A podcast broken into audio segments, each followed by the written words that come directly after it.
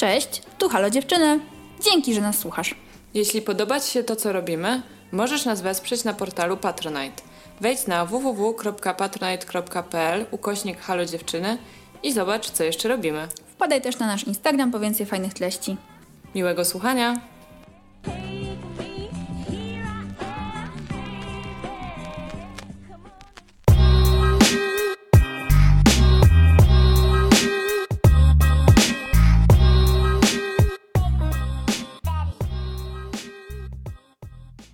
Cześć, ja jestem Zosia. Cześć, ja jestem Ula. I to jest nasz podcast. Halo dziewczyny. Dzień dobry dziewczyny, dzień dobry wszystkie osoby. Przechodzimy dzisiaj z odcinkiem, o który prosiła jedna z Was po naszej instagramowej ankiecie. Wow, ktoś ma taki spotlight na sobie. Tak, dziękujemy. Dzisiaj porozmawiamy o naszych ulubionych twórcach internetowych, nazwijmy to. Mhm. I pogadamy w ogóle, co sądzimy o tworzeniu w internecie trochę. Tak. O kondycji to... tworzenia w internecie. Może nie o samym tworzeniu, bo tutaj no my też jesteśmy twórczyniami internetowymi de facto. Owszem, brzmi to bardzo dziwnie, ale dokładnie tak, ale, to jest fakt. Ale to jest fakt. No, w ogóle to, co jest super twórczości internetowej i dzięki temu w ogóle my możemy sobie nagrywać ten podcast, to, że jest tak oddolna i że jest to takie, wiesz, takie samodzielne, niezależne i nie musisz mieć żadnego agenta, producenta, wydawcy, żeby robić swoje rzeczy i pokazywać je światu. To jest piękne. Tak, możesz być sobie sam stylem, żeglarzem, okrętem, montażystą, wideografem i y, księgowym. To już mniej przyjemne, ale okej. Okay. Tak, to y, internet, ja kocham internet i jakby jestem dzieckiem internetu na maksa i chciałam powiedzieć, że kocham tworzenie, ale chyba, bo powiem ci, że mam wrażenie, że teraz jak powiedziałeś, że my jesteśmy twórczyniami internetowymi, -hmm. okej, okay, to jest fakt, to jest true, tak zwane true facts, -hmm. ale ja też mam wrażenie, że zawsze jest mi ciężko się trochę z tym utożsamiać, bo mam wrażenie, że żeby właśnie robić takie rzeczy, to trzeba je kochać i tak po prostu, wiesz, mieć takie, again, jak nie wiem, ci mm. Leonardo da Vinci, czy w sumie Leonardo DiCaprio, który pewnie kocha tą swoją twórczość na maksa i jakby tym wszystkim tak żyje i tak jakby mocno to odczuwa, a ja po prostu czuję, że ja to robię, bo to lubię robić, ale jakby wiesz -hmm. o co chodzi, że nie jestem poświęcona robieniu temu i czuję, że jednak twórczość internetowa jest taka kategoria, gdzie właśnie możesz powiedzmy wyrażać siebie, już bez takich wielkich wzniosłości, że to jest mhm. jakieś takie powszednie troszkę tak. dla mnie bardziej, mhm. w moim odczuciu. No, że jakby każdy może być tym twórcą i też nie musisz nim być na pełen etat. Czyli nie musisz być głodującym artystą, głodującą artystką. Tak, albo tak walić hustle culture. Nie trzeba każdego hobby przekuwać w pracę. Dokładnie, tylko możesz coś robić tak, jak my to robimy dla czystej przyjemności gadania ze sobą e, jeszcze więcej e, i obcowania z wami, bo jednak gdzieś tam działa to w dwie strony. No i, i możemy też równocześnie zajmować się innymi rzeczami i mieć płatną pracę i też nie kłaść wtedy takiej dużej presji. Pamiętasz, jak chciałyśmy bardzo zarabiać na podcaście? No. No. Ja myślę, żebyśmy dzisiaj były, gdyby to się udało, mhm. nawet jakimś cudem i gdybyśmy miały taki odpowiedni spot okoliczności szczęścia, bo to też o to by chodziło, mhm. to no ja myślę, że byłaby pewność, y, przekonanie mam graniczące z pewnością, że byłybyśmy wypalone. Ja na pewno. Mhm. Że myślę, że to na pewno nie było coś, na co byłabym gotowa wtedy. No ja byłam wypalona i bez tego, tak. więc jakby zrobiłyśmy sobie przerwę kilka miesięcy temu i no i to, kiedy jakby produkujesz cały czas te nowe treści i jesteś w takim cyklu właśnie nagraj, zmontuj, wypuść i jeszcze ogłoś to w swoich platformach społecznościowych, to ta powtarzalność jest trochę wypalająca ale wiesz, właśnie w momencie, kiedy to jest tylko twoja twórczość, taka na boku powiedzmy, to możesz to przerwać w dowolnym momencie. A myślę, że osoby, które z tego żyją, mają dużo większy lęk przed zrobieniem tego, chociaż prawdopodobnie większość z nich, tych takich dużych, dużych twórców też by mogła. W ogóle mam ciekawy przykład na to, ale to jak już przejdziemy do gadania okay. o konkretnych osobach, które no. obserwujemy. To jest, powiem Ci, w ogóle taki problem, który ja zauważam właśnie trochę u nas, że i tak mamy taki dosyć łagodny ten kalendarz wydawniczy, mamy tylko odcinek co dwa tygodnie, właśnie mamy przerwy. Mhm. Teraz Wam możemy powiedzieć, że za jakiś czas też nam się szykuje kolejna przerwa. I że mimo tego właśnie same doświadczyłyśmy, jakie to może być obciążające mhm. i ciężkie i właśnie wypalające, czy, czy po prostu tak, no przykład kreatywnie. Kreatywnie zdecydowanie. Na maksa. To jest jakby, wydaje mi się, taka, taka największa kwestia. A wiem, że jest masa twórców, którzy po prostu nieprzerwanie od lat wrzucają coś codziennie. Mhm. I ja czasami podziwiam, ale czasami współczuję i też bym... No dla mnie to jest trochę przerażające. Właśnie te, cały ten, zwłaszcza social mediowy, czy w ogóle internetowy taki grind mnie na maksa przeraża. To, że pamiętam, ponieważ jestem nie powiem stara, bo zwróciliśmy to ostatnią uwagę, ponieważ jestem po prostu 30-letnią e, kobietą, to pamiętam początki YouTube'a bardzo dobrze, bo po prostu z niego korzystałam kiedyś. Jestem użytkowniczką YouTube'a, tak zwaną internautką. Też teraz. Czy spotkałaś się z Donaldem Tuskiem? Nie. Jak było słynne spotkanie, Donald Tusk rozmawiał z internautami. Nie, nie rozmawiałam z Donaldem Tuskiem. Ale e, właśnie pamiętam, że wiesz, kiedyś ten YouTube to właśnie była taka platforma wyrażania siebie, kreatywności, wrzucania różnych bardzo dziwnych filmików. No i wiadomo, że to się musiało zmienić, to jest ok i też mm -hmm. dzięki temu mamy bardzo dużo po prostu świetnego kontentu. No a z drugiej strony wiecie, jak czasami patrzę na te wszystkie vloghouse'y, czy jakieś w ogóle house'y influencerów, które potem powstały, mm. albo po to, że ci ludzie, wiecie, też tak działa też system YouTube'a, przykład my widzimy to po naszych statystykach, że statystyki YouTube'a i w ogóle ta platforma studia zachęca cię do wypuszczania tak. filmików, oni ci proponują najlepsze kalendarze wydawnicze dla ciebie. Facebook zresztą robi dokładnie to samo z postami i to ma ci zachęcać do po prostu tworzenia coraz większej ilości kontentu i ja się w którymś momencie zaczynam zastanawiać, na ile to jest twoja twórcza potrzeba, a na ile to już jest właśnie to, żeby ciągle być relevantnym, żeby ciągle gdzieś tam być w tej świadomości odbiorców, że bardzo ciężko jest w ogóle zdobyć, pozyskać, utrzymać zainteresowanie innych ludzi. A potem jakby właśnie to utrzymanie i te zmiany algorytmów i to wszystko powoduje, że masz taki właśnie codzienny grind, że jeżeli to jest twoja praca, to ciężko jest mieć do tego zdrowy rozsądek i dystans. Jesteś uzależniony od często od reklamodawców, mhm. albo właśnie no, tak od, od, tych platform, które ci płacą i tak dalej, albo od swoich produktów, od czegokolwiek, że naprawdę y, to jest bardzo długi rant, ale dla mnie to jest tak, ten styl życia wydaje mi się być niesamowicie obciążający. I teraz nie jest bronienie influencerów, o Jezu, jak mają ciężko, czy coś takiego, no bo mówmy się, to też jest bardzo uprzywilejowana praca, często te osoby zarabiają jakieś niesamowite ilości, wiecie, za jednego posta ktoś ma równowartość, nie wiem, kilku średnich pensji w Polsce, tak? Czy coś takiego. To, to jest straszne, to się nie powinno zdarzyć. Mhm. Ale też pod kątem właśnie tego, jak nasze mózgi są niedostosowane do tego po prostu sposobu bycia i życia, mam wrażenie, że to jest po prostu niesamowicie męczące. Tak, ja w ogóle nawet nie wiedziałam o tym, że YouTube ci nawet mm, wyświetla takie komunikaty w tym twoim studio. Tak. Że mm, dawno, nie sugestie, tak. dawno nie wrzucałaś filmu i wręcz chyba grożą ci tym, że ludzie od ciebie odejdą, jak nie będziesz wrzucała na bieżąco czegoś słabe. W sensie myślę, że YouTube mógłby zmienić jednak te komunikacje, bo to jest jakieś bardzo niezdrowe. No właśnie chodzi też, wiesz, to jest domena wszystkich tych platform, z których my korzystamy, czy jako twórczyni, czy jako użytkowniczki, że one są za darmo, tak? YouTube jest za mhm. darmo, Facebook, Instagram są za darmo, więc płacimy naszym czasem. Oczywiście one teraz eksperymentują z różnymi rodzajami monetyzacji, ale no, jeżeli płacimy naszym czasem, no to, to tym platformom zależy na tym, żeby nas jak najdłużej tam utrzymać. Tak, jak najdłużej. Mhm. Więc wpływam tych twórców, więc ci twórcy tworzą coraz więcej kontentu, no i tak to, i to chomiczne koło się toczy. Mhm. A ja akurat tak mam, że bardzo często w to chomiczne koło wpadam i ostatnio też miałam właśnie taki okres, że po prostu no ciężko było mi oderwać wzrok i łapy od telefonu. Mhm. No dobra, to jak już e, po prostu ponarzekałyśmy, jakie to jest straszne środowisko pracy, ale myślę, że warto o tym mówić i też dużo już influencerów i twórców zaczyna o tym mówić, że to jest nie do końca w porządku i też sporo z nich zgłasza wypalenie albo znika z social mediów. A my nie chcemy rozmawiać tylko o social mediach, bo tak. dla mnie social media to jest jakby ten front domu, tak naprawdę, bo wielu twórcom on służy do promowania ich twórczości, której clue nie jest Instagram ani Facebook. Tak. Facebook to już w ogóle pewnie jest jakieś zupełnie archiwalne narzędzie. No ale powiedzmy Instagram i teraz też TikTok, którego ja za dobrze nie znam, bo nie mam.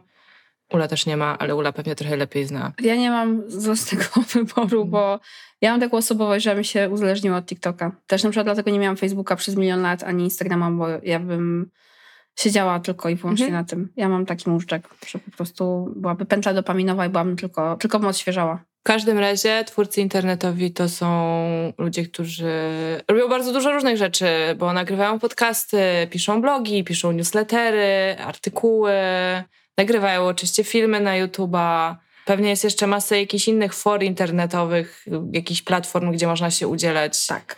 i być personą jakąś można znaleźć tam wszystko. Tak. to jest... Muzykę można tworzyć i wypuszczać tylko wyłącznie w internecie. Dokładnie. Na SoundCloud czy coś, jeżeli nie masz wydawcy i nie trafiasz na Spotify. I to jest faktycznie niesamowite, że ta wolność i taka dostępność, przynajmniej pozorna, jak oferuje internet, jest niesamowita. Wiecie, no wy, wy, też, my też się nie znamy, a ja i, i, i Zosia z wami, którzy nas teraz słuchają, z większością pewnie, a jednak jakoś się znaleźliśmy w tym internecie i, tak. i się teraz sobie spędzamy razem czas, no nie? No to jest niesamowite, to jest nie do pomyślenia, nie wiem, jeszcze 30 lat temu było. Mhm. I to jest, to jest akurat cudowne. Właśnie to jest taka część internetu, która kocham najbardziej na świecie, czyli ja mogę zdobyć informacje, wiedzę albo rozrywkę, która mnie ciekawi, albo jest w ogóle sprofilowana dla mnie, mhm. albo zgodna z moim obecnym zainteresowaniem czy czymkolwiek. No i to po prostu jest. I to jest niesamowite, że w internecie można spędzać czas na milion różnych sposobów. I ci muzycy, no jeżeli już będziemy przechodzić do twórców powolutku. Przejdźmy do twórców. No to właśnie ten muzyk to jest dla mnie super przykład, bo ja lubię słuchać muzyków, których znam z życia nie znam z życia, nie znam z życia żadnych muzyków. Mhm. Ale wiecie, te wszystkie gwiazdy, które mają też na przykład właśnie swoje koncerty, czy wypuszczają swoje rzeczy w internecie, to lubię tego słuchać, ale jeszcze bardziej lubię znajdować jakichś właśnie twórców, których w ogóle nie znam. No i bez internetu by się to dzisiaj nie udało, no bo wiecie, ja nie mam 13 lat, już nie mam MTV, nie wracam po szkole, nie oglądam MTV, więc trzeba sobie radzić jakoś inaczej. I internet, YouTube i SoundCloud, czy nawet y, playlisty Spotify'owe to jest super miejsce, żeby to zacząć robić. I jest taki twórca, którego ja śledzę i pewnie dużo z was też zna, bo on się kiedyś pojawił na Make Life Harder w Polsce. Ziomek nazywa się Mark Rebier i jest, tworzy muzykę improwizowaną na żywo. I brzmi to być może trochę mało zachęcająco, ale polecam sobie odpalić jakieś jego sety. To jest coś, co, nie wiem, mi zawsze poprawia humor. Jest bardzo energetyczny, jest trochę crazy. Wybieram się na jego koncert niedługo i to mnie jest niesamowite, że ja wybrałam się na koncert typa, którego poznałam dwa poznałam, mm-hmm. z, którego, z, którego, twórczością zapoznałam się temu w internecie i on ma teraz wyprzedaną klasę po Europie. Mm-hmm. I myślę, że do niego też jest niesamowite, tak myślę, jak pan tak. opowiada. że marzył właśnie o, o karierze muzyka przez całe życie i jakby gdzieś tam mieszkał w Teksasie i tą muzykę po prostu tworzył i Dopiero ta pandemia, to, że zamknęliśmy się w chacie, spowodowało, że on robił po prostu streamy, na których były miliony mhm. ludzi jednocześnie. Super. To wiesz, na jakim koncercie nawet nie ma takiej areny po prostu, żeby mieć tyle osób naraz w Stanach, ani nigdzie, więc y, to jest trochę dla mnie niesamowite i myślę, że dla niego też. Jestem, dla mnie taki przykład twórcy właśnie, który tworzy trochę crazy muzykę, na którą może bez ery internetu mhm. nie byłoby wcześniej nie byłoby popytu. miejsca. Tak, i miejsca, on właśnie znalazł swoją niszę i teraz no, potrafi na tym zlepiać i faktycznie zlepia z muzyki, tworzy swoje życie na podstawie tego. Piękna historia. Piękna historia. Bardzo fajnie. Bardzo mi się to podoba. Ja akurat nie obserwuję żadnych muzyków niszowych. Ogólnie powiem wam, że tak jak kiedyś byłam taka bardzo zajarana niszową muzyką i uważałam, że w ogóle cały mainstream to zło, to teraz spędziłam dużo czasu przez ostatnie dwa tygodnie z moją dobrą koleżanką Duo Lipą. Uznałaś, że one tak. kiss, it's all it takes. One kiss, it's all it takes and I do not give a fuck. Te, te piosenki dużo ostatnio słuchałam. Ale za to bardzo y, swego czasu i to było jeszcze przed pandemią, ale w pandemii się mocno nasiliło. Bardzo polubiłam oglądać rzeczy o kosmetykach i mhm. dbaniu o siebie w mhm. internecie. Mhm. I tutaj twórców jest bardzo dużo i na naszym polskim, i na zagranicznym podwórku. I z polskiego podwórka są oczywiście nasze dobre koleżanki Monika i Ania z Piggy Peg, które zaczęłam obserwować dawno temu, jak je poznałam. Już nawet nie pamiętam, kiedy to było.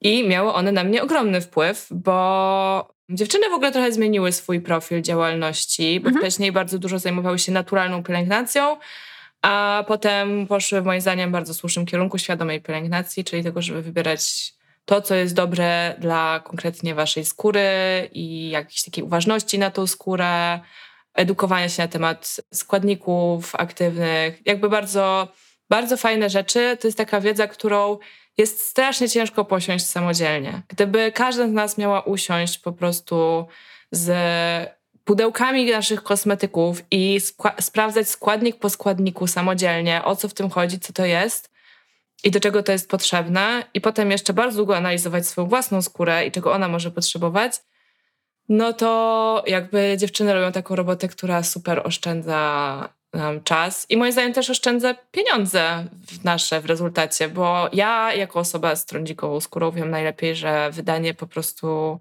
połowy pensji w Rosmanie na kosmetyki, które mają ci pomóc, jest problemem wielu osób. Mhm. Może nie pół pensji, ale że naprawdę sporo kasy można wydać na rzeczy, które się nie przydadzą. Tak. No, bo nie mamy tej wiedzy, bo to nie jest takie łatwe. Tak samo jak nie jest takie łatwe kupowanie żywności, która jest y, dla ciebie dobra, konkretnie dla ciebie, tak? I fajnie, że jest takie kompendium wiedzy. Ja osobiście bardzo lubię bloga dziewczyn Tam są długie wpisy, bardzo treściwe, z dużą ilością zdjęć i jakby te zdjęcia są też super ładne, więc dziewczyny ekstra robota. I dziewczyny mają też oczywiście Instagrama, który chyba zajmuje właśnie coraz więcej czasu. Oraz był podcast, który też był bardzo fajny. Myślę, że jeszcze może kiedyś wróci, ale to nie wiem, można dziewczyn spytać.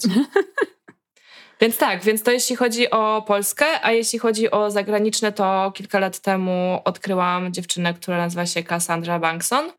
I Cassandra jest Amerykanką, bardzo amerykańską Amerykanką. Jej sposób mówienia jest odrobinę drażniący, chociaż widzę, że ona też jakby z wiekiem po prostu mówi w coraz spokojniejszy sposób, więc zdaje się, że też było takie, nie wiem, dojrzewanie albo coś tam.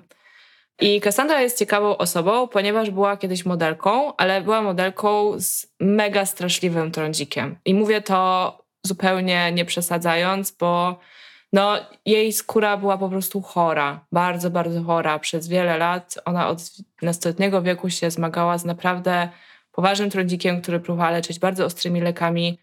Zrobiła sobie dużo krzywdy po drodze, próbując wszystkiego i zasłynęła tym, że nagrała filmik o tym, jak zamalowuje swój trądzik. I to było coś, co spowodowało, że stała się bardzo popularna. Została w ogóle zaproszona do jakiejś telewizji chyba nawet i opowiadała o tym, w jaki sposób zakrywa swoje zmiany trądzikowe, które miały naprawdę poważne, jakby od szczytu czoła po klatkę piersiową. Mhm. I jakby ten filmik i to, że nagle ludzie zwrócili w ogóle uwagę na nią i na jej problem, spowodował też, że ona zaczęła się uczyć i poszła na studia i zaczęła się zajmować kosmetologią. Kręciła się też trochę w, w dietę, została weganką z tego co wiem. No i udało jej się wyleczyć swoją skórę. Faktycznie teraz wygląda zupełnie zwyczajnie. Ma taką skórę, powiedzmy, że raz na jakiś czas wyskoczy jakiś pryszcz jak każdemu człowiekowi, ale na pewno nie jest to stan chorobowy, taki jak był wtedy. I skupiła się na normalizowaniu trądziku, co jest super ważne, mhm. i również na właśnie promowaniu świadomej pielęgnacji. Bardzo dużo ocenia, w sensie analizuje różne konkretne produkty, tworzy takie listy. Najlepsza witamina C, w, tam serum z witaminą C w dostępnych cenach, tak? No oczywiście to jest Amerykanka, więc czasem mówi o rzeczach, których w Polsce po prostu nie ma ale tak czy inaczej zajęła się po prostu edukacją na temat skóry i jej problemów i też tego, że twoja skóra nie świadczy o twojej wartości. I to jest przesłanie, które dla mnie osobiście jest super ważne, bo moja skóra jest dla mnie nadal takim no, tematem, że czasem się bardzo kochamy, a czasem jest bardzo nie. Bardzo zły dzień. Bardzo się nie lubię. Zdjęcia tylko z filtrem. No. Albo brak zdjęć. to drugie częściej. Tak. E, no to jest właśnie ciekawe, nie? że są, jest cała masa właśnie ekspertek i ekspertów, e, którzy mogą ci właśnie pomóc. Tak. Mogą ci e, ułatwić życie, możesz korzystać z ich bogatej wiedzy, albo wybrać coś dla siebie, albo... Okej, okay. czasami też cię zachęcą do zakupów. Tak. Wiadomo, to jest... Z czegoś muszą żyć. Tak. Yy, tak długo jak robią to transparentnie i ty masz jakby decyzyjność, no to, mhm. to, to po prostu tak to działa. Ale też myślę, że na pewno to jest też taka dziedzina, gdzie trochę trzeba uważać, co nie? Na te, eksperckie, na te eksperckie rzeczy, czy związane ze skórą, czy w ogóle związane ze zdrowiem. Bo mam wrażenie, że ja mówię teraz jakby o sobie, mhm. że im więcej tych treści czytam, tym czasami y, mniej wiem. Mhm, że czuję, tak, że tak, tak, tak, do pewnego momentu się uczę, albo coś rozumiem, tak. albo coś jest ciekawe, a potem jak spotykam gdzieś sprzeczne informacje, no to albo już powinnam sama wykonać taki deep dive, poszukać tych badań i metadanych, ale mówmy się, ja też nie za bardzo umiem je może właściwie czytać, bo mhm. nie jestem ekspertką ani ekspertem. I u mnie czasami to powoduje takie totalne zamieszanie, że trzeba wiedzieć też komu warto właśnie zaufać i wydaje mi się, że to jest czasami trochę ciężkie do zrobienia. Tak, zdecydowanie. Zresztą ja tak samo jak ty kupiłam plan pielęgnacyjny i jakby wiecie, tyle ile mogłam się nauczyć od osób z internetu, to myślę, że bardziej niż taką że tak, na pewno dowiedziałam się bardzo dużo o składnikach i produktach i zaczęłam bardziej świadomie wybierać rzeczy, no ale jakby nadal już na takim głębokim levelu to nie było ogarnięte oczywiście. Natomiast dużo mi dały te treści właśnie takiego spokoju, takiego szcilowania na temat własnej skóry. Mhm. Raczej właśnie takiego, że no to jest normalne, że po prostu ta skóra nie jest idealna, bo nie istnieje coś takiego jak idealna skóra, a ja naprawdę przez wiele lat myślałam, że taka skóra istnieje i że zdjęcia to są wyfotoshopowane, to jakby nie są aż tak wyfotoshopowane. Więc no po prostu to jest pozytywny wpływ takich twórców dla mnie. Mhm. Tak, że w końcu mogłaś zostać, nie wiem, wysłuchana to może nie jest to, no nie? Tylko, że Pewne, zobaczyłaś. Tak, tak, tak, tak. No i też, że ta grono ludzi, które przechodzi przez to samo jest bardzo duże i one się skupiają wokół tych twórców. Tak. I wtedy można sobie na jakichś tam, nie wiem, grupkach czy w komentarzach poczytać, że ja mam tak samo, a ja mam jeszcze gorzej, a ja to mam w ogóle zupełnie inaczej, ale też mam tak i no... To, to są przekazy, na które w uspokaja. codziennym życiu się nie, nie natkniesz, a mhm. właśnie w internecie możesz znaleźć swoich ludzi. Tak. No. Swój tribe. Każdy może. To jest też mnie trochę czasem z jednej strony super, z drugiej strony trochę mnie to przeraża kontekście tych teorii spiskowych, o których gadałyśmy. No, ale teorii spiskowych, no wiesz, też jakby dużo bardzo niebezpiecznych zjawisk, tak. co nie? Też znajduję po prostu, ludzie są wysłuchani w internecie i mhm. to są ludzie z każdej możliwej bańki. Również takiej, która no, mi się wydaje być na przykład negatywna albo wprost szkodliwa.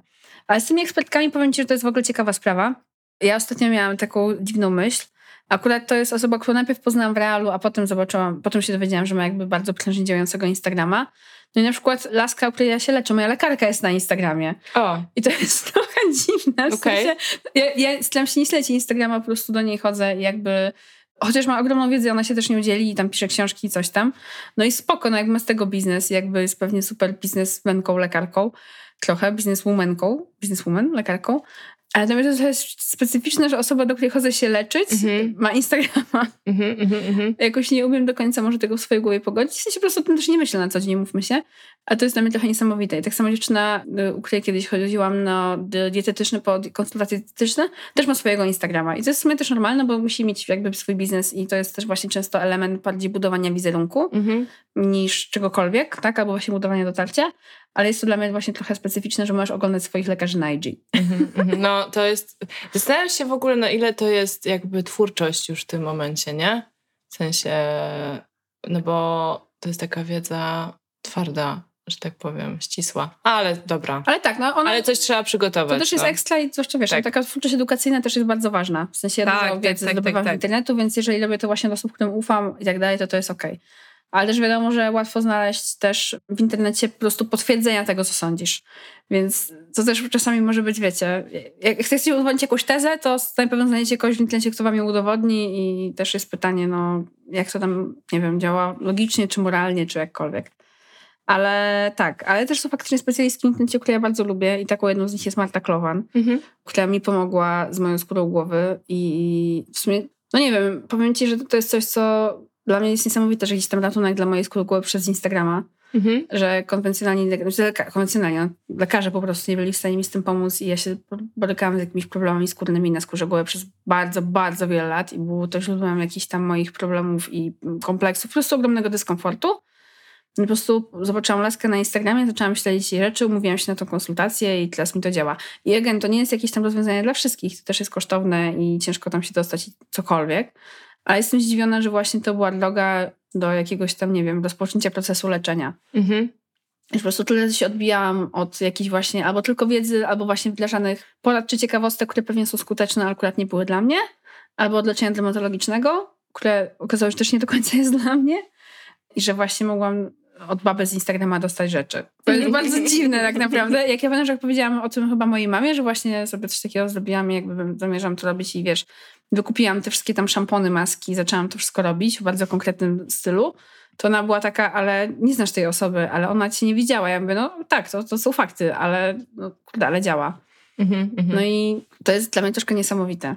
To jest jakaś taka, wiesz, trochę jest dla mnie jak taka sprzedaż obwoźna leków z XIX wieku, gdzie po prostu ktoś miał jakiś magiczny eliksir, przyjeżdżał do twojej wiochy, ty coś tam kupowałaś i jechał dalej. To jest jakiś taki, again, niebezpieczne może być ryzykowne tak. i wiadomo, że może być bardzo też nieskuteczne i na pewno trzeba się wystrzegać i to są jakieś tam decyzje, które podejmują indywidualnie na własną odpowiedzialność, no ale to jest dla mnie zaskakujące i bardzo miłe, że właśnie możesz uzyskać pomoc, czy przez wysłuchanie, czy faktycznie przez po prostu jakieś tam konkretne rozwiązania, które są też tylko dla ciebie. Ale też jest, kurczę, jak ja teraz o tym myślę, ja o tym gadam, to to jest taka niesamowita indywidualizacja, jaką mamy, co nie? Tak mm. jak każdy z nas ma właśnie, wiesz, swój feed dla siebie, dostosowany swój algorytm, którym podpowiada ci teraz najlepsze reelsy, filmiki, tiktoki czy cokolwiek.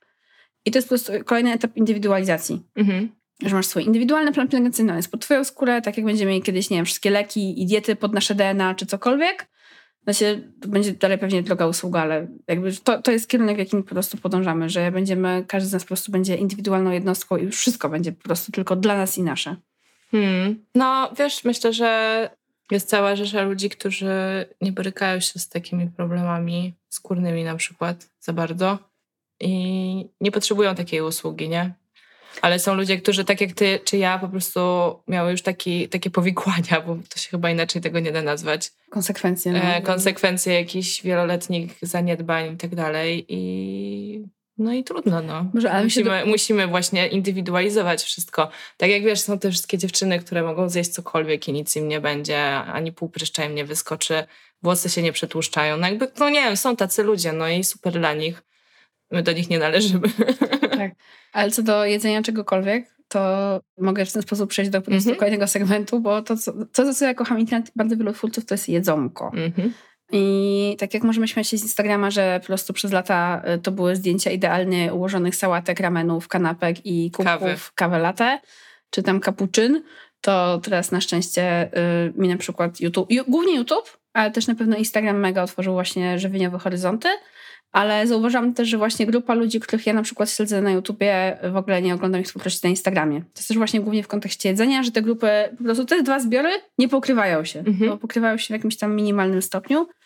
I że zwłaszcza taki dostęp do kuchni jakichś regionalnych, czy jakichś narodowych, czy etnicznych, czy czegokolwiek takiego, jest ogromny w internecie i na YouTubie i ja dzięki temu mogę popatrzeć na dania albo nawet potem próbować je wyrekreować w domu, jakich wiesz, no bym nie spróbowała, no bo nie wiem, nie jadę teraz gdzieś daleko, gdzie mhm. te rzeczy są po prostu dostępne i tak dalej. Jasne, a książki kucharskie są drogie. Tak, ale na szczęście są czasami w bibliotekach. Mhm.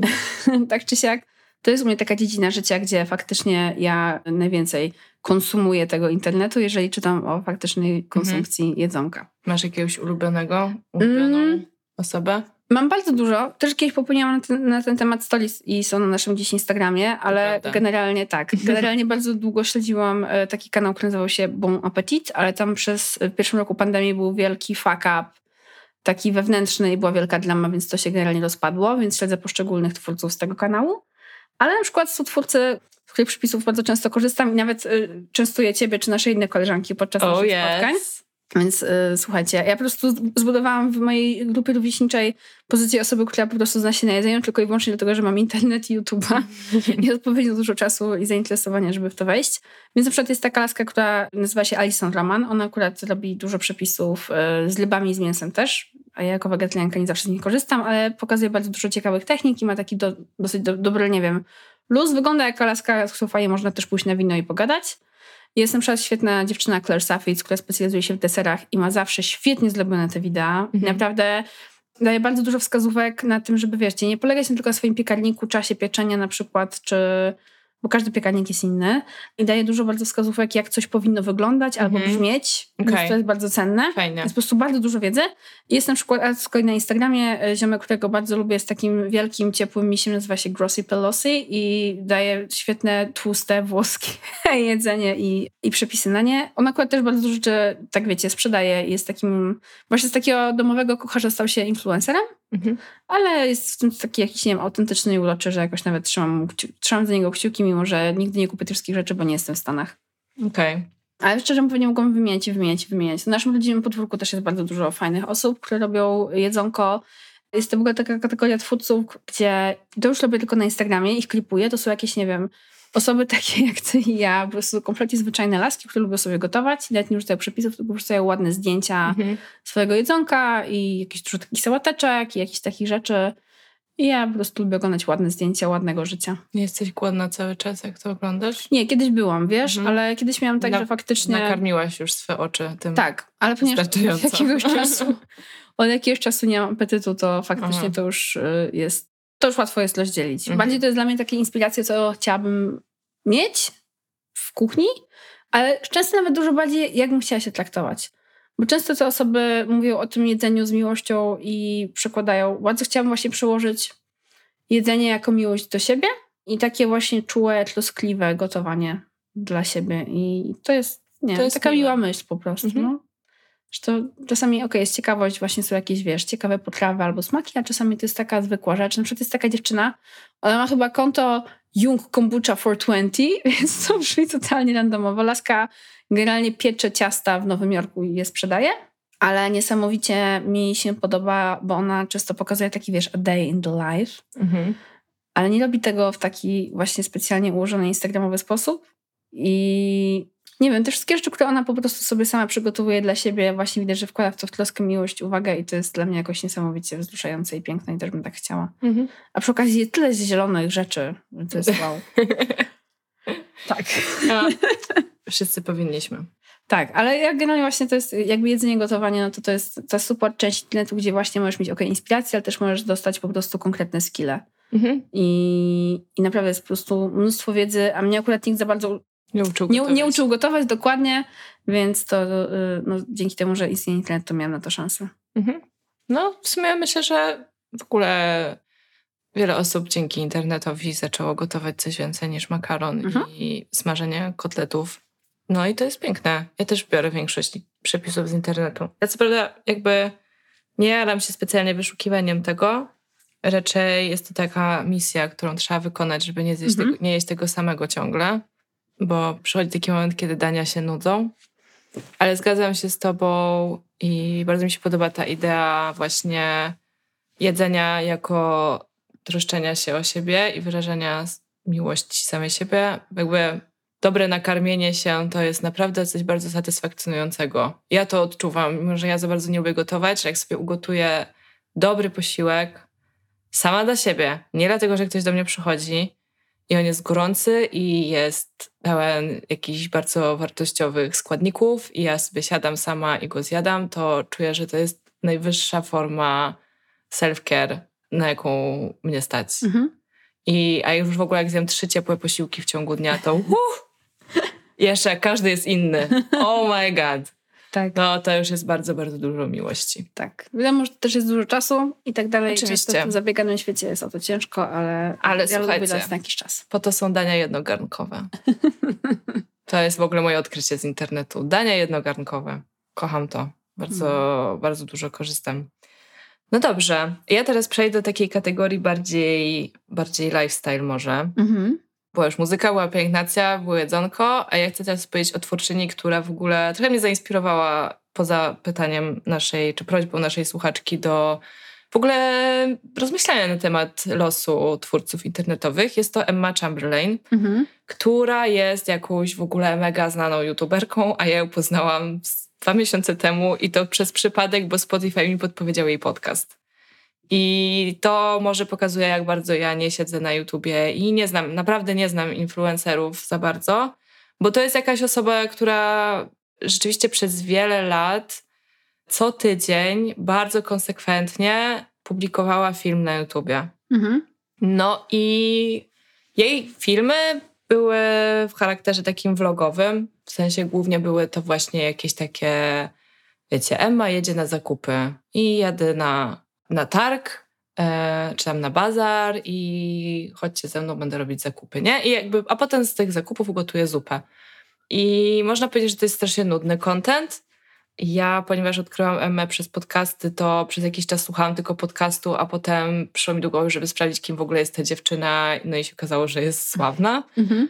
I kiedy miałam COVID, to oglądałam jej vloga i nie mogłam przestać, bo to jest po prostu z jakiegoś powodu super hipnotyzujące. Ona też świetnie montuje. Ona świetnie montuje, bardzo ładny jest cały ten materiał, wideo. Nagrywa w ładnych wnętrzach, e, bardzo taki minimalistyczny, miała dom, teraz się przeprowadza, więc chwilowo nie ma domu, bo tylko mieszka w hotelu, ale miała rzeczywiście właśnie piękny dom w LA. I co dla mnie było niesamowite, że wyglądało na to, że ona przez większość czasu jest zupełnie sama. I jest super tak naprawdę introwertyczką. Jest taką osobą, która bardzo stara się utrzymać na powierzchni zdrowia psychicznego poprzez właśnie skupianie się na takich małych przyjemnościach, właśnie na tych zakupach, na tym jedzeniu, na rysowaniu, na graniu na bębnach, że jakby dużo jest takiej samotności i autorefleksji w tych filmach.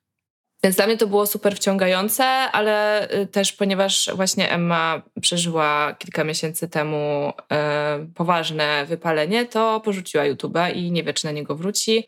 Na razie się skupiam na swoim podcaście i na swojej firmie, bo również ma firmę, która sprzedaje kawę. Tak.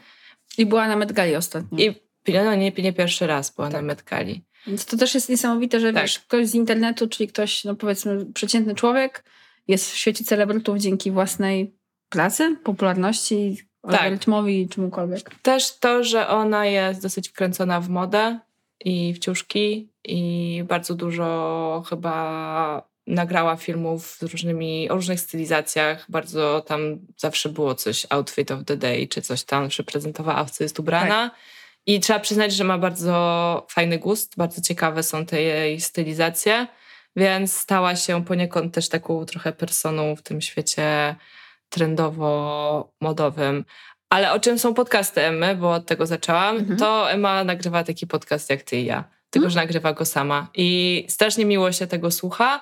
Wiadomo, że są odcinki, które po prostu mnie nie interesują i sobie tego nie, jakby po prostu w połowie wyłączam i idę do jakichś innych, ale na przykład ostatnio nagrała trzy odcinki, całą serię właśnie jej przemyśleń na temat tego, co się stanie z, właśnie z ludźmi z internetu i jak będą się zmieniały trendy w najbliższych czasach. I to są tylko jej własne przemyślenia, nie poparte żadnymi mhm. e, artykułami, badaniami i tak dalej. Ona sama o tym mówi. Powiedziała coś bardzo ciekawego, że ponieważ jakby każdy właśnie może być tym twórcą i być tą personą w internecie, to ona widzi dwie drogi. Albo taka, że wszyscy będą trochę sławni, mhm. albo żeby być sławnym, jednak trzeba będzie mieć jakąś wpytę tych obserwujących i że jakby już 10 tysięcy czy 15 tysięcy obserwujących nie będzie robiło na nikim absolutnie żadnego wrażenia, że jednak znowu się stworzy jakaś taka bardzo ekskluzywna grupa tych sławnych ludzi, do której będzie strasznie ciężko dołączyć, bo będzie ciężko zyskać tylu obserwatorów.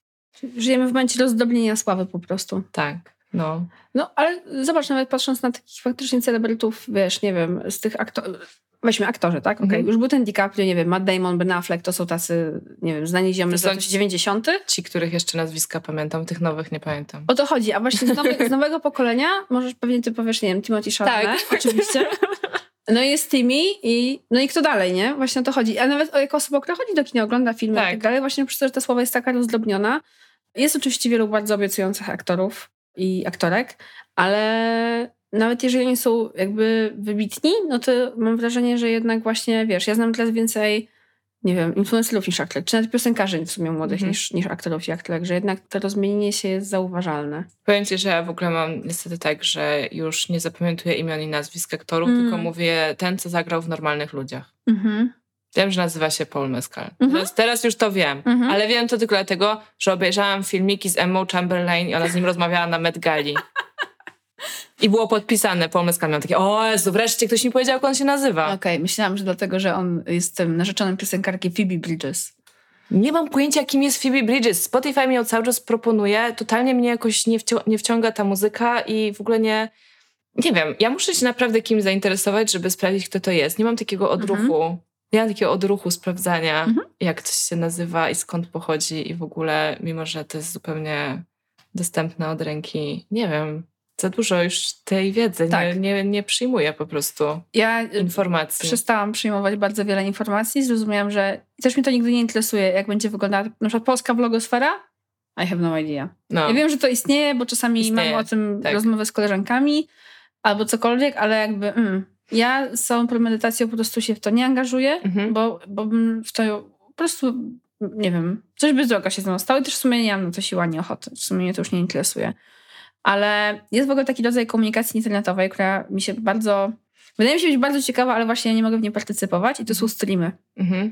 Jest bardzo dużo streamerów, którzy prowadzą no po prostu codzienne swoje wielogodzinne audycje, gdzie nie wiem, często analizują bieżące wydarzenia, albo jakieś, nie wiem, albo wiadomo, streamy giereczkowe też są i tak dalej.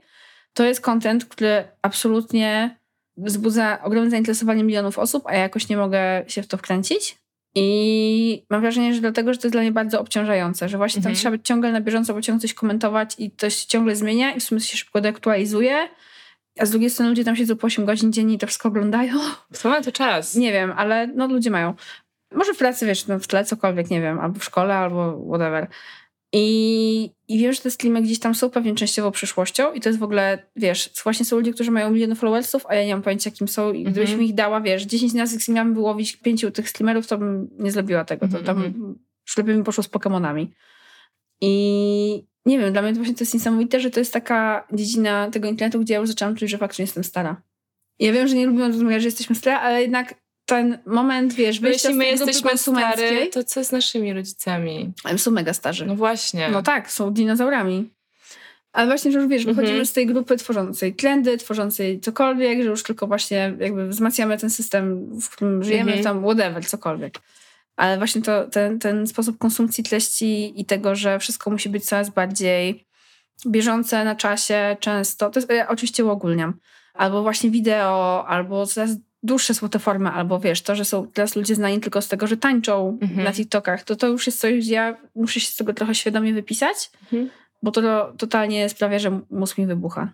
Tak, znaczy myślę, że nie jest możliwe nadążanie za trendami za wszystkim, co się dzieje. To się po prostu za szybko zmienia i kiedyś jednak te cykle były troszeczkę dłuższe, a teraz jakby wiesz, pojawia się jakiś trend, żyje przez tydzień na TikToku i umiera. No ja myślę, że nastolat, na, współczesne nastolatki dalej myślę, że ogarniają wszystko na bieżąco, że to jest właśnie rola nastolatków, żeby to wszystko na bieżąco ogarniać.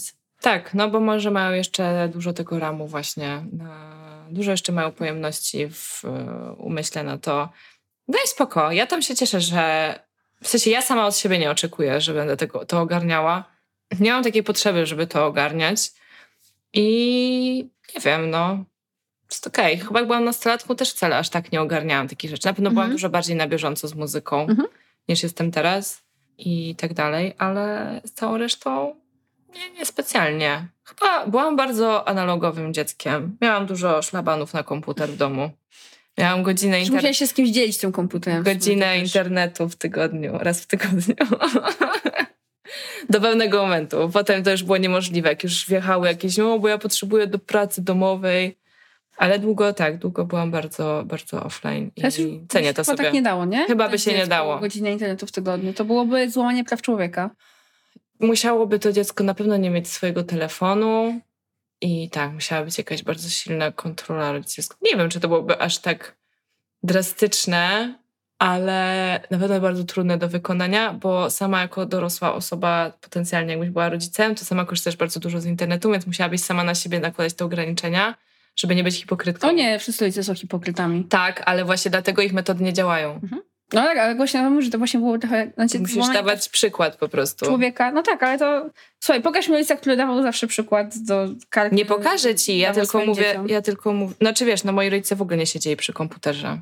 Okej, ale chodzi mi o rodzaj, wiesz, w sensie myślę, że tak pewnie zdarzyłoby się im się być hipokrytami, narzucając wam jakieś zakazy czy kary, które nie stosowali do siebie. To na pewno, Wiesz, w szerszym kontekście. oczywiście. Em, Ale w kontekście akurat internetu myślę, że byłoby ciężko nawet rodzicowi to egzekwować przez to, że sam i tak jest podłączony do sieci non-stop. No właśnie, to też było bardzo izolujące, nie? Tak, Dla takiego Mhm. nastolatka czy dzieciaka, myślę. Dużo No. bardziej właśnie niż kiedyś dla nas. Dosłownie tak. Ale tak, wracając najpierw do tego lifestyle'u, Tak, e, ja mogę tutaj powiedzieć o profilu, e, który jest tylko na Instagramie, a nawet już go w sumie nie ma, bo Mhm. został zgłoszony i zniknął. I teraz się będzie odbudowywał. tak.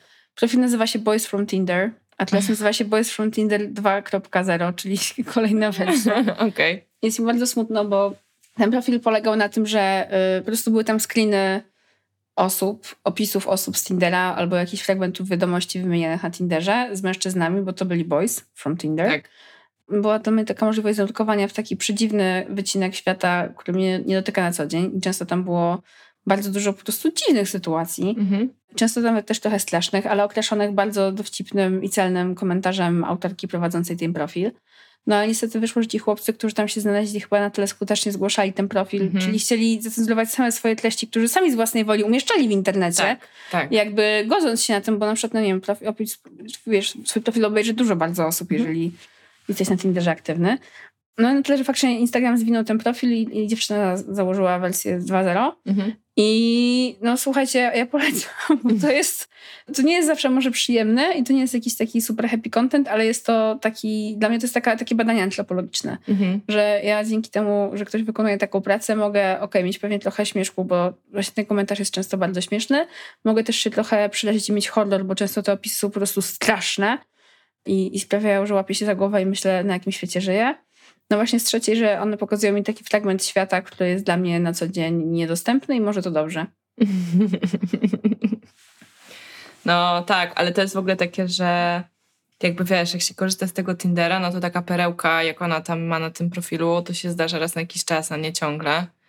I zawsze zaskakuje, ale przynajmniej nie jest to aż takie poczucie, że wszyscy są tak fatalni. Jak trafisz na takie, takie konto z tym wybranym, że tak powiem, już przebranym materiałem, to może rzeczywiście być troszkę przerażające. Tak. No, można właśnie wiecie, czytać w krótkich tak. Raz na jakiś czas. To nie jest, tam nie ma, wiecie, codziennych stolisków. To jest kontent do konsumpcji raz na jakiś czas. I jeszcze jest taki dział twórców w internecie, który już jest bardzo na granicy mhm. ryzyka, że zrobisz. No, może nie to, że zrobisz sobie od razu krzywdę, ale trzeba super ostrożnie to czytać i obserwować, mianowicie psychologia mhm. i psychoedukacja. I ja osobiście uważam, że mam na to jakiś filtr, bo już byłam na terapii i zanim zaczęłam się edukować na temat psychologii, to poszłam na terapię. Więc powiedzmy, że gdzieś tam jestem w stanie wyczuć jakiś bullshit i coś, z czym się. Co mi się wydaje, że po prostu ktoś sobie to wymyślił, a nie jest to coś podparte jakąkolwiek teorią naukową. Natomiast obserwuję dwie osoby. Jedna trochę ostatnio mniej jest e, w internecie, druga jest ciągle, aż może za dużo właśnie. Jedna to jest Sylwia Wolna-Rybak, o której już mówiłam, która jest psychoterapeutką, prowadzi gabinet i również prowadzi Instagrama oraz pisze e-booki. Właśnie jeszcze o e-bookach nie powiedziałyśmy. To jest duży fragment twórczości internetowej, mhm. bardzo ciekawy też. I Sylwia pisze mniej więcej raz w tygodniu posty, które zawsze uderzają mnie bardzo, bardzo mocno w serce. Ona się dużo zajmuje związkami, ale nie tylko. W sensie bardzo dużo jest o tobie jako osobie żyjącej w relacjach z innymi, ale z dużym naciskiem na zadbanie o siebie w tej relacji i jakby zwracanie uwagi na swoje jakieś reakcje, potrzeby i tak. Dużo się nauczyłam z tego profilu, w sensie takim, że nie została mi podana jakaś konkretna wiedza, tylko po prostu padły zdania, które sprawiły, że zaczęłam myśleć, się zastanawiać sama nad sobą, nad swoimi potrzebami, nad swoimi schematami i to uważam jest bardzo spoko, jakby przyjmować takie treści, żeby właśnie się pozastanawiać. Trochę bym przestrzegała przed przyjmowaniem rad od ludzi z internetu, bo to jakby Tłumacz. nie jest sprofilowane właśnie, a powinno być już w stu procentach. Ale tak, żeby sobie poanalizować, pomyśleć i zastanowić się, jak to jest u ciebie, to jest super inspiracja. A drugie, psychologiczne w pewnym sensie konto, które jest już w stu procentach o związkach, to to, które ty mi kiedyś poleciłaś, nazywa się Trudna Sztuka. E, prowadzi to Basia Strójwąs, która chyba jest psycholożką i zajmuje się właśnie głównie parami, związkami. Też ma jakieś produkty, które sprzedaje. Produkty zupełnie do mnie nie trafiają, nie są dla mnie, ale może komuś by się spodobały. Różne karty do gier w parach, też są jakieś e-booki. Natomiast Basia jest trochę trudna, bo ona jest bardzo radykalna i bardzo taka konkretna i widać, że ma takie po prostu ostre opinie na różne tematy. Ale muszę przyznać, że czasem człowiek potrzebuje, żeby ktoś go walnął w twarz i powiedział mu, jak jest, bo sami sobie kreujemy bardzo dużo iluzji w życiu i ja to zrobiła i to mi bardzo pomogło w ostatnich kilku miesiącach. Mhm. E, I myślę, że jakoś tak dużo dłużej nie będę jej obserwowała, bo poniekąd załatwiłam różne swoje sprawy, ale byłam zdziwiona, że aż tak dobrze to trafia i mam wrażenie, że to jest kwestia tego, że czasem, żeby coś zrozumieć, ktoś ci musi to naprawdę po prostu powtórzyć tysiąc razy. Jest. I musisz sama sobie to powtórzyć tysiąc razy, aż to wreszcie wsiąknie i zostanie. Ostatnio przeczytałam, że żeby komunikat doleciał, mhm. musisz go powtórzyć 7 razy na 5 różnych sposobów. O kurde. I to jest... 7 razy na 5 to jakby 35. Nie, nie, wystarczy 7 razy, ale musisz użyć różnych metod, żeby przekazać ten sam komunikat. Okay. nie wiem, wiesz, cokolwiek.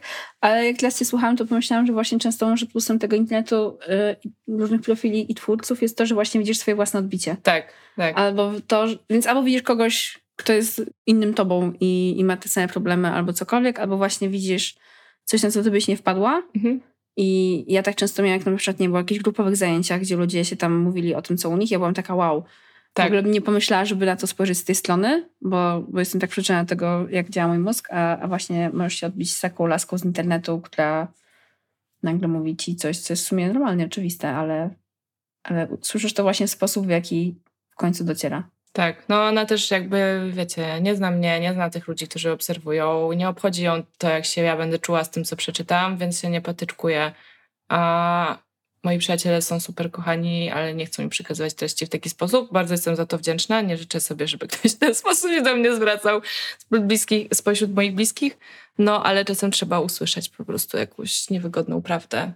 Więc tak, więc jeżeli ktoś z Was się boryka z jakimiś trudnymi sytuacjami w związkach i wydaje się, że coś w tym związku jest nie tak i w sumie nie potrafi tego nazwać, to ja polecam tą trudną sztukę, bo, bo ta dziewczyna to nazywa po imieniu. Tylko czasem pewnie nieprzyjemnie jest to odkryć.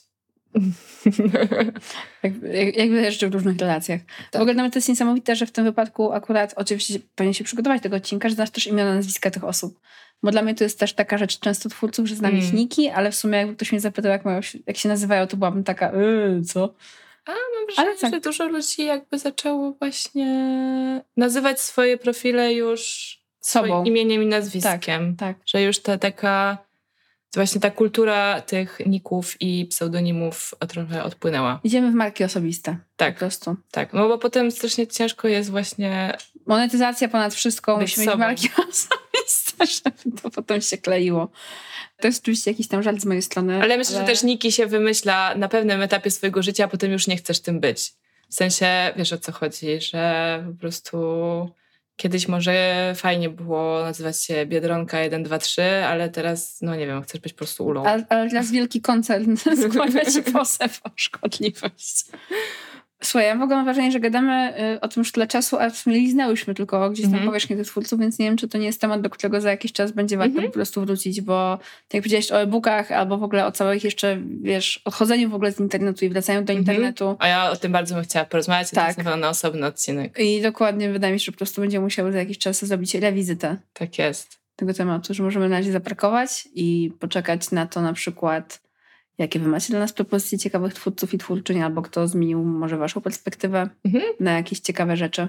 Tak, możecie do nas pisać na halodziewczynymałpa.gmail.com Tak, jest. Jesteśmy też na tym Instagramie, o którym tak gadamy. Na którym nas prawie nie ma. Na którym nas prawie nie ma, więc jak chcecie coś do nas napisać, to zdecydowanie polecamy maila, bo my powolutku, już od jakiegoś czasu po prostu, no, nie, nie aktywizujemy się tam bardzo. No, pogadamy o tym może kiedyś. Mhm. My nigdy o tym nie mówiłyśmy za bardzo. Tak. Ale tak. Ale korzystacie z naszego maila, piszecie do nas i to jest bardzo miłe. Bardzo dziękujemy. Odpisujemy. No. Czasem nam to zajmie chwilę, ale odpisujemy. Tak jest. Będzie nam też bardzo miło, jeżeli po odsłuchaniu tego odcinka zostawicie mu y, gwiazdeczki na Spotify'u albo miły komentarz na iTunesie, bo dzięki temu osoby, których wy nie znacie, ani my nie znamy, będą mogły na nasz podcast trafić. Tak jest. Mamy też grupę osób, którym chcemy tutaj tak. podziękować bardzo szczególnie. Dziękujemy bardzo osobom, które wspierają nas na Patronite e, w najwyższym naszym progu. I są to. Mamy tutaj w tym doskonałym gremium e, Switlanę, e, Elżbietę, Marzenę i Katarzynę. Mamy też Joannę, Magdę oraz wszystkie osoby, które wspierają nas anonimowo. Bardzo Wam dziękujemy. I doceniamy Wasze wsparcie i to, że właśnie mimo tego, że jest nas mniej w internecie, na Instagramie, to, że dalej nas słuchacie i że nie, nie wiem, nie zmieniliście jeszcze kanału. Tak, a jeżeli chcecie więcej naszych odcinków, to wpadajcie na Patronite, bo tam co miesiąc e, wjeżdża dodatkowy odcinek dla wspierających w progu za 12 i 26 zł. Więc Dokładnie tak jest. Nie jest to dużo pieniądzów. Pieniądzów? Ale też może ich nie macie i wcale nie musicie ich na to wydawać. Tutaj jesteśmy co dwa tygodnie, o ile nie mamy przerwy. Tak jest, pełen luz. Dobra, to do usłyszenia w takim pa. razie. Pa!